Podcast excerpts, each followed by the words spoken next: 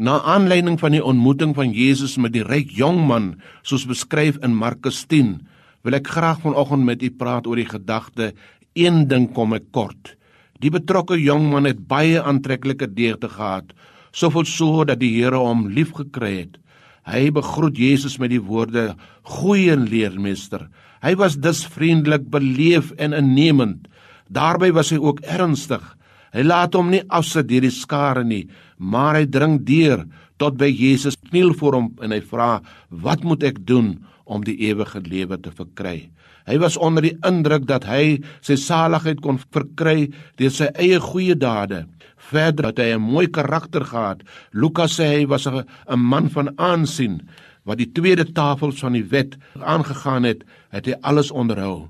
So beminlike bestaan was daar egter vir die jong man ontoereikend. Hy was jonk en ryk, hy was 'n man van aansien, 'n nemend van geaardheid en baie godsdienstig, maar hy was diep ongelukkig. Hy het 'n 'n leemte in sy lewe ontdek. Hy het iets in sy lewe gemis. Wat was dit? Een ding kom jy kort, moet jy van die meester hoor. Benewens alles wat hy gegee het, was daar 'n reserve wat buite gehou het. Sy geld en het in sy pad gestaan. Teoreties was sy naaste liefde onberusblik en daarmee ook sy liefde vir God. Nou moet hy ook dit met 'n praktiese daad bewys. Gee jou rykdom vir die armes en kom dan terug en volg my sê Jesus vir die jong man.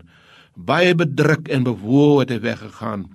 Een ding wat hy kort kom, wou hy nie regstel nie.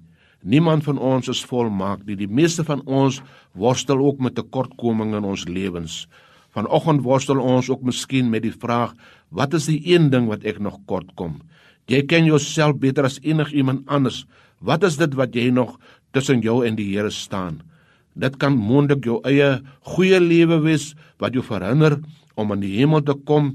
Miskien is jy in jou eie oë te goed om gered te word want jy het aan geen ding gebrek nie. Vra jouself af wat is die een ding in jou lewe wat jy nog kort kom? Amen.